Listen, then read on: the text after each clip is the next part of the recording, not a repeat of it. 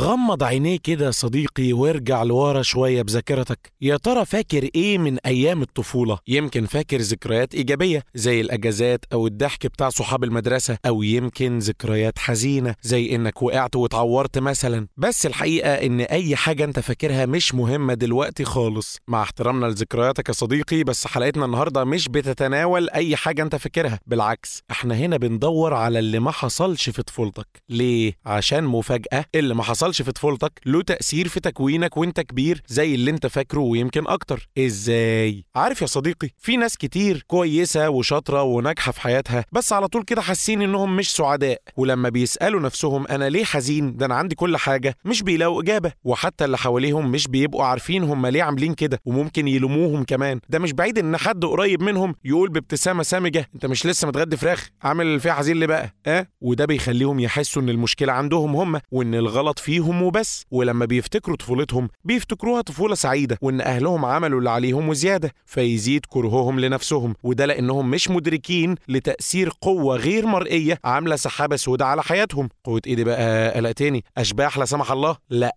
دي قوة الإهمال العاطفي اللي تعرض له الناس دول في طفولتهم من أهلهم وأثرت على حياتهم كلها بشكل قوي جدا ومؤلم. وهنعرف بقى إيه هو التأثير ده وإزاي تتعافى منه في حلقة النهاردة المبنية على كتاب السير بلا وقود التغلب على الإهمال العاطفي في الطفولة للدكتورة جونس ويب والدكتورة كريستين موسيلو. وآه صحيح أخضر كاست متاح عليه دلوقتي حلقات ونس. هنكون معاكم في رحلة جديدة لعالم العلاقات العاطفية والزواج الناجح من طقطق. لسلام عليكم. حمل التطبيق على موبايلك واشترك في العضوية المميزة علشان تسمع كل حلقات ونس بلا حدود. وتقدر تسمع الحلقة التشويقية مجانا من على التطبيق. نرجع لكتاب حلقتنا النهاردة. إيه هو الإهمال العاطفي ده بقى؟ أنا عارف إن كلمة إهمال وعاطفي مش راكبين مع بعض قوي لأننا بنربط كلمة إهمال بالحاجات المادية بس. وكان بودي بصراحة أقول لك يا صديقي إن الإهمال العاطفي كمان له مسكة وعلامات مادية نقدر نقفشه بيها بس الحقيقة لأ. الأهل اللي بيرتكبوا الإهمال العاطفي ممكن يقدموا رعاية مادية ممتازة من أكل وشرب ولبس ويقعوا في فخ الإهمال العاطفي. وده بإنهم ما ياخدوش بالهم من مشاعر ابنهم ويهملوه في أكتر وقت هو محتاج لهم فيه. إزاي؟ بص يا صديقي تربية طفل سعيد وسوي نفسيا مش مقتصر على الحاجات المادية ودخول أفضل مدارس والجو ده. لأ الموضوع أعمق من كده. الموضوع محتاج تواصل عاطفي وتعاطف واهتمام بين الأب والأم وطفلهم. أيوة يعني بيعملوا إيه الأهل المهملين عاطفيا دول؟ هم بيعملوا حاجتين. إما بيخذلوا ابنهم أو بنتهم عاطفيا بطريقة حرجة في لحظة أزمة وده بيتسبب في الإصابة بفشل عاطفي حاد أو إنهم طول الوقت مش حاسين بحاجات الابن أو الابنة وده اسمه فشل عاطفي مزمن. يعني من الآخر الإهمال العاطفي ده بيحصل في اللحظات المهمة اللي بيكون فيها الأهل مش شايفين الاحتياجات العاطفية لابنهم ولا بيعملوا على تلبيتها وكده بيبوظ الارتباط الأول اللي هو أساس صورة الشخص الإيجابية لنفسه وإحساسه بالتقبل. طب الأهل يعملوا إيه عشان يضمنوا الارتباط ده؟ عشان الآباء والأمهات يربوا أطفال أصحاء عاطفيا لازم يلبوا ثلاث معايير. الأول إنهم يحسوا بارتباط عاطفي بينهم وبين عيالهم. ثانيا لازم يهتموا بيهم وفي نفس الوقت يعاملوهم كأفراد مستقلين عنهم يعني مش امتداد ليهم ولا عبء عليهم وبناء بقى على الارتباط والاهتمام دول المفروض يستجيبوا صح لاحتياجات أطفالهم العاطفية.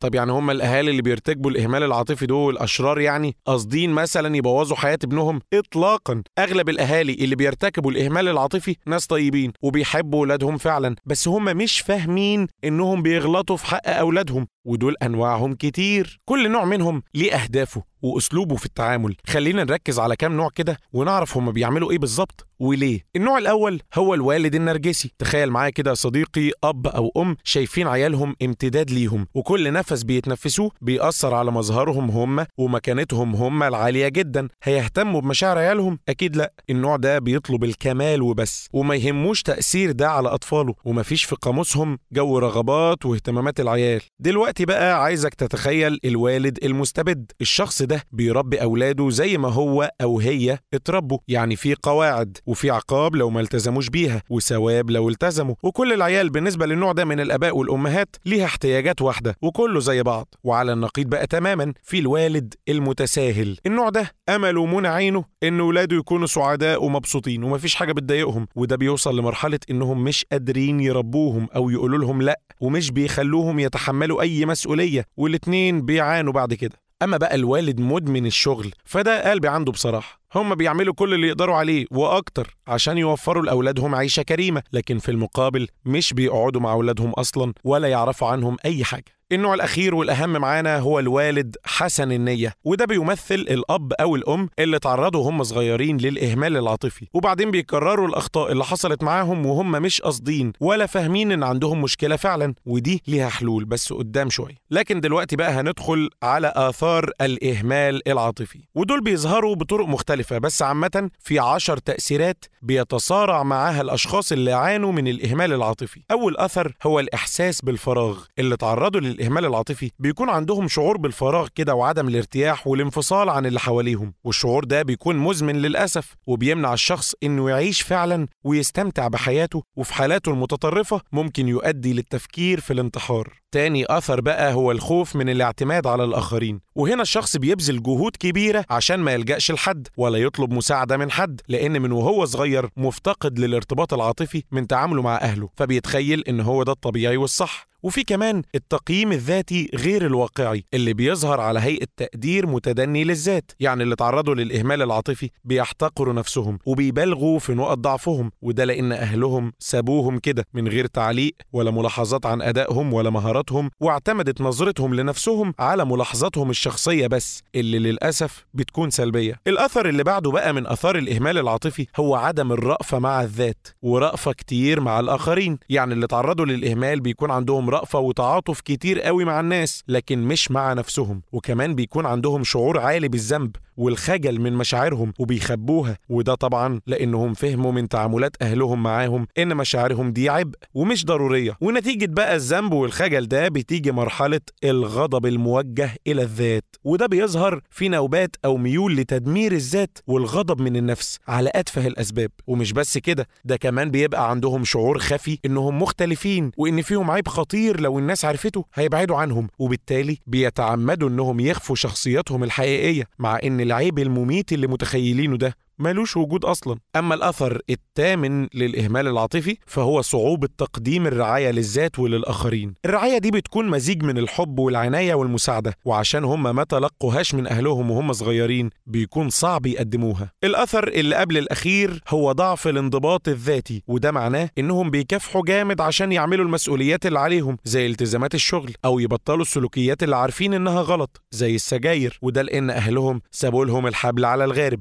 آخر اثر هو الالكسيثيميا ودي معناها نقص معرفة الشخص للعاطفة وإدراكها فالشخص اللي بيعاني منها بيكون صعب عليه يفهم مشاعره ومشاعر اللي حواليه ومشاعرهم على طول متلخبطة كده وبتظهر على هيئة غضب وبس لأن هو ده النمط العاطفي الوحيد اللي يعرفوه. امم كل ده بسبب الإهمال العاطفي. هي العاطفة مهمة أوي كده. طبعا وأول خطوة في طريق التعافي هي إننا نفهم المشاعر وأهميتها وأهدافها. أنت عارف إن علماء الأعصاب اكتشفوا إن قدرتنا على الشعور بالعاطفة اتطورت قبل قدرتنا على التفكير. يعني مشاعرنا دي اللي بنستهزأ بيها بتمثل جزء أساسي مننا أكتر من الأفكار بكتير. لكن للأسف العواطف دي بيعتبرها المهملين عاطفيا عبء كبير. وساعات إحنا كمان بنعتبرها كده وبنتخيل إن حياتنا هتبقى أسهل من غيرها. بس الحقيقة إن المشاعر دي هي السبب في صمود البشرية لحد دلوقتي. لأنها طريقة أجسامنا في التواصل معانا وكل شعور له هدف. فالحب مثلا بيخلينا نتجوز ونهتم بعيالنا والفضول بيخلينا نتعلم ونكتشف وغيرهم. عشان كده لما تحس بأي شعور؟ ما تهملوش. لا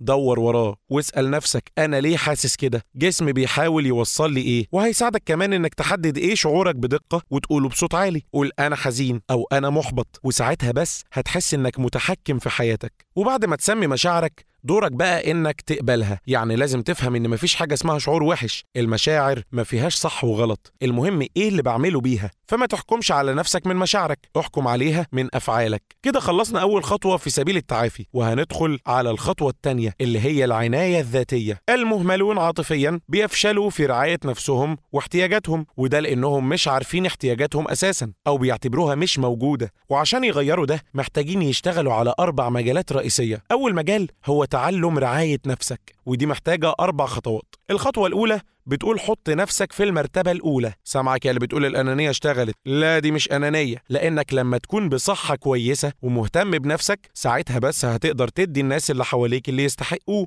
من حب واهتمام ورعاية. الخطوة التانية خاصة بالأكل. في أهالي كتير بتعود ولادها على إن حل أي إحساس بالضيق هو الأكل وكده بيخلوا عيالهم يطوروا علاقة غير صحية معاه. فشوف كده انت علاقتك بالأكل عاملة إزاي ولو فعلا بتشوف الأكل هو حل أي مشكلة عاطفية يبقى لازم تشتغل على الموضوع ده وبسرعة. اللي بعدها بقى ممارسة الرياضة لأن ليها دور كبير في تحسين الصحة النفسية والجسدية فما تهملهاش. الخطوة الرابعة والأخيرة إنك تمنح نفسك وقت للراحة. بس ما يكونش زيادة قوي بحيث إنك تهمل مسؤولياتك ولا يكون قليل قوي فتتعب نفسيا وعصبيا وجسديا. كده خلصنا أول مهارة من مهارات العناية الذاتية. تاني مهارة بقى بتتناول الانضباط الذاتي ودي حاجة بيفتقدها المهملون عاطفيا زي ما قلنا ولازم تحاول تنميها وهيساعدك في ده تدريب اسمه برنامج الأشياء الثلاثة. والمقصود بيه إنك تعمل كل يوم ثلاث حاجات لازم تعملها بس مش عايز أو تمنع نفسك من عمل حاجات أنت عارف إنها مضرة وتسجل ده في ورقة عشان تتابع تقدمك. المهارة الثالثة من مهارات العناية الذاتية هي التهدئة الذاتية. بص يا صديقي انت مهما فهمت مشاعرك هتمر عليك لحظات هتحس فيها انك مش مرتاح. فايه الحل؟ الحل هنا في التهدئة الذاتية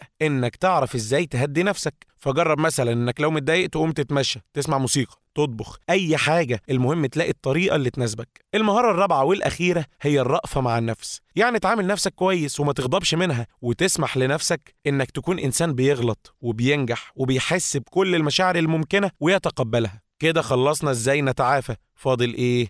أيوه اسم الله عليك يا صديقي. إزاي بقى ما انقلش لاولادي اللي حصل معايا؟ أو إزاي الإهمال العاطفي اللي أنا اتعرضت له هم ما يتأثروش بيه؟ السؤال ده هيرجعنا للعشر صفات اللي ذكرناهم. بس دلوقتي هنذكرهم في سياق التربية. فاكر الإحساس بالفراغ اللي قلناه؟ عشان ما تنقلوش لاولادك مهم تحط في بالك إن دي مش غلطتك. بس دورك بقى دلوقتي إنك تزود طفلك بالدعم العاطفي اللي ما كانش عندك. إزاي؟ التزم بكل اللي قلناه لأن كل ما زاد اهتمامك بنفسك وحبك ليها وفهمها زادت عنايتك لأطفالك وزاد حبك وفهمك وتقديرك ليهم ولمشاعرهم. وتدريجيا هيقل شعورك بالفراغ وهتقل كمان احتمالية إن أطفالك يحسوا بيه. ولو اتعلمت من أهلك إنك مش المفروض تحتاج لحد أو تعتمد على حد فغالبا كده هتكون نقلت الموضوع ده لاولادك بس طالما أدركت الموضوع فدورك دلوقتي تعلمهم إن العلاقات الصحية بيكون فيها توازن بين الاستقلال والاعتماد على النفس وكمان الاعتماد على الطرف التاني. وعشان ما تنقلوش فكرة أنا الناس لو عرفتني فعلا مش هيحبوني لازم تظهر لابنك قد إيه أنت بتحبه. ومش بالكلام لأ بالأفعال وبإظهار الحب ده كلما أمكن. هنشتغل بعدها على إنك تركز مع ولادك وتقدم لهم ملاحظات مفيدة عن مهاراتهم والحاجات الكويسين فيها والوحشين فيها عشان نظرتهم لنفسهم ما تتأثرش. قول صحيح هل هتحب إن طفلك يعامل نفسه بقسوة لما يكبر؟ أكيد لأ. وعشان كده لازم تعلمه إنه يهدى على نفسه ويرأف بيها. وده هيودينا على فكرة لوم الذات. وبرضه لازم تعلمه إنه يتسامح مع أخطائه ويتعلم منها من غير ما يقل تقديره لنفسه. وطبعا عشان تمنعه من إنه يتكسف من مشاعره لازم أنت الأول تتعلم إزاي ترتاح مع كل المشاعر وتتقبل كل اللي بيحس بيه ابنك فلازم تسيبه يصرح بمشاعره وما تمنعوش وساعده يتعامل معاها ويتقبلها. ولازم كمان ترعاه في كل الجوانب وخصوصا الجانب العاطفي عشان طفلك بعد كده يكون قادر يحب ويقدم الرعاية لنفسه وللي حواليه. وعشان تنمي عنده مهارة الانضباط الذاتي لازم تحط له بنية وقواعد يمشي عليها زي مثلا وقت النوم ووقت المذاكرة وده عشان تعلمه إزاي يحط قاعدة لحياته ويلتزم بيها. آخر صفة بقى لازم تتجنب إنك تغرزها في طفلك هي الالكسيثيميا فاكرها؟ يعني لازم تعلمه إزاي يفهم مشاعره ويعبر عنها ويعرف سببها. وعامة خلي العواطف دي جزء مهم في حياتك عشان تنقل لابنك قيمة المشاعر وأهميتها ودورها في الحياة. وأخيرا مفيش أب وأم مش بيغلطوا. ومهما كان تأثرنا باللي عمله أهلنا معانا إحنا اللي علينا دلوقتي مسؤولية التعافي. عشان نفسنا وعشان ولادنا. أنت بقى كنت بتعاني من الإهمال العاطفي ولا كنت من الناجيين؟ قول لنا تجربتك في كومنت. سلام.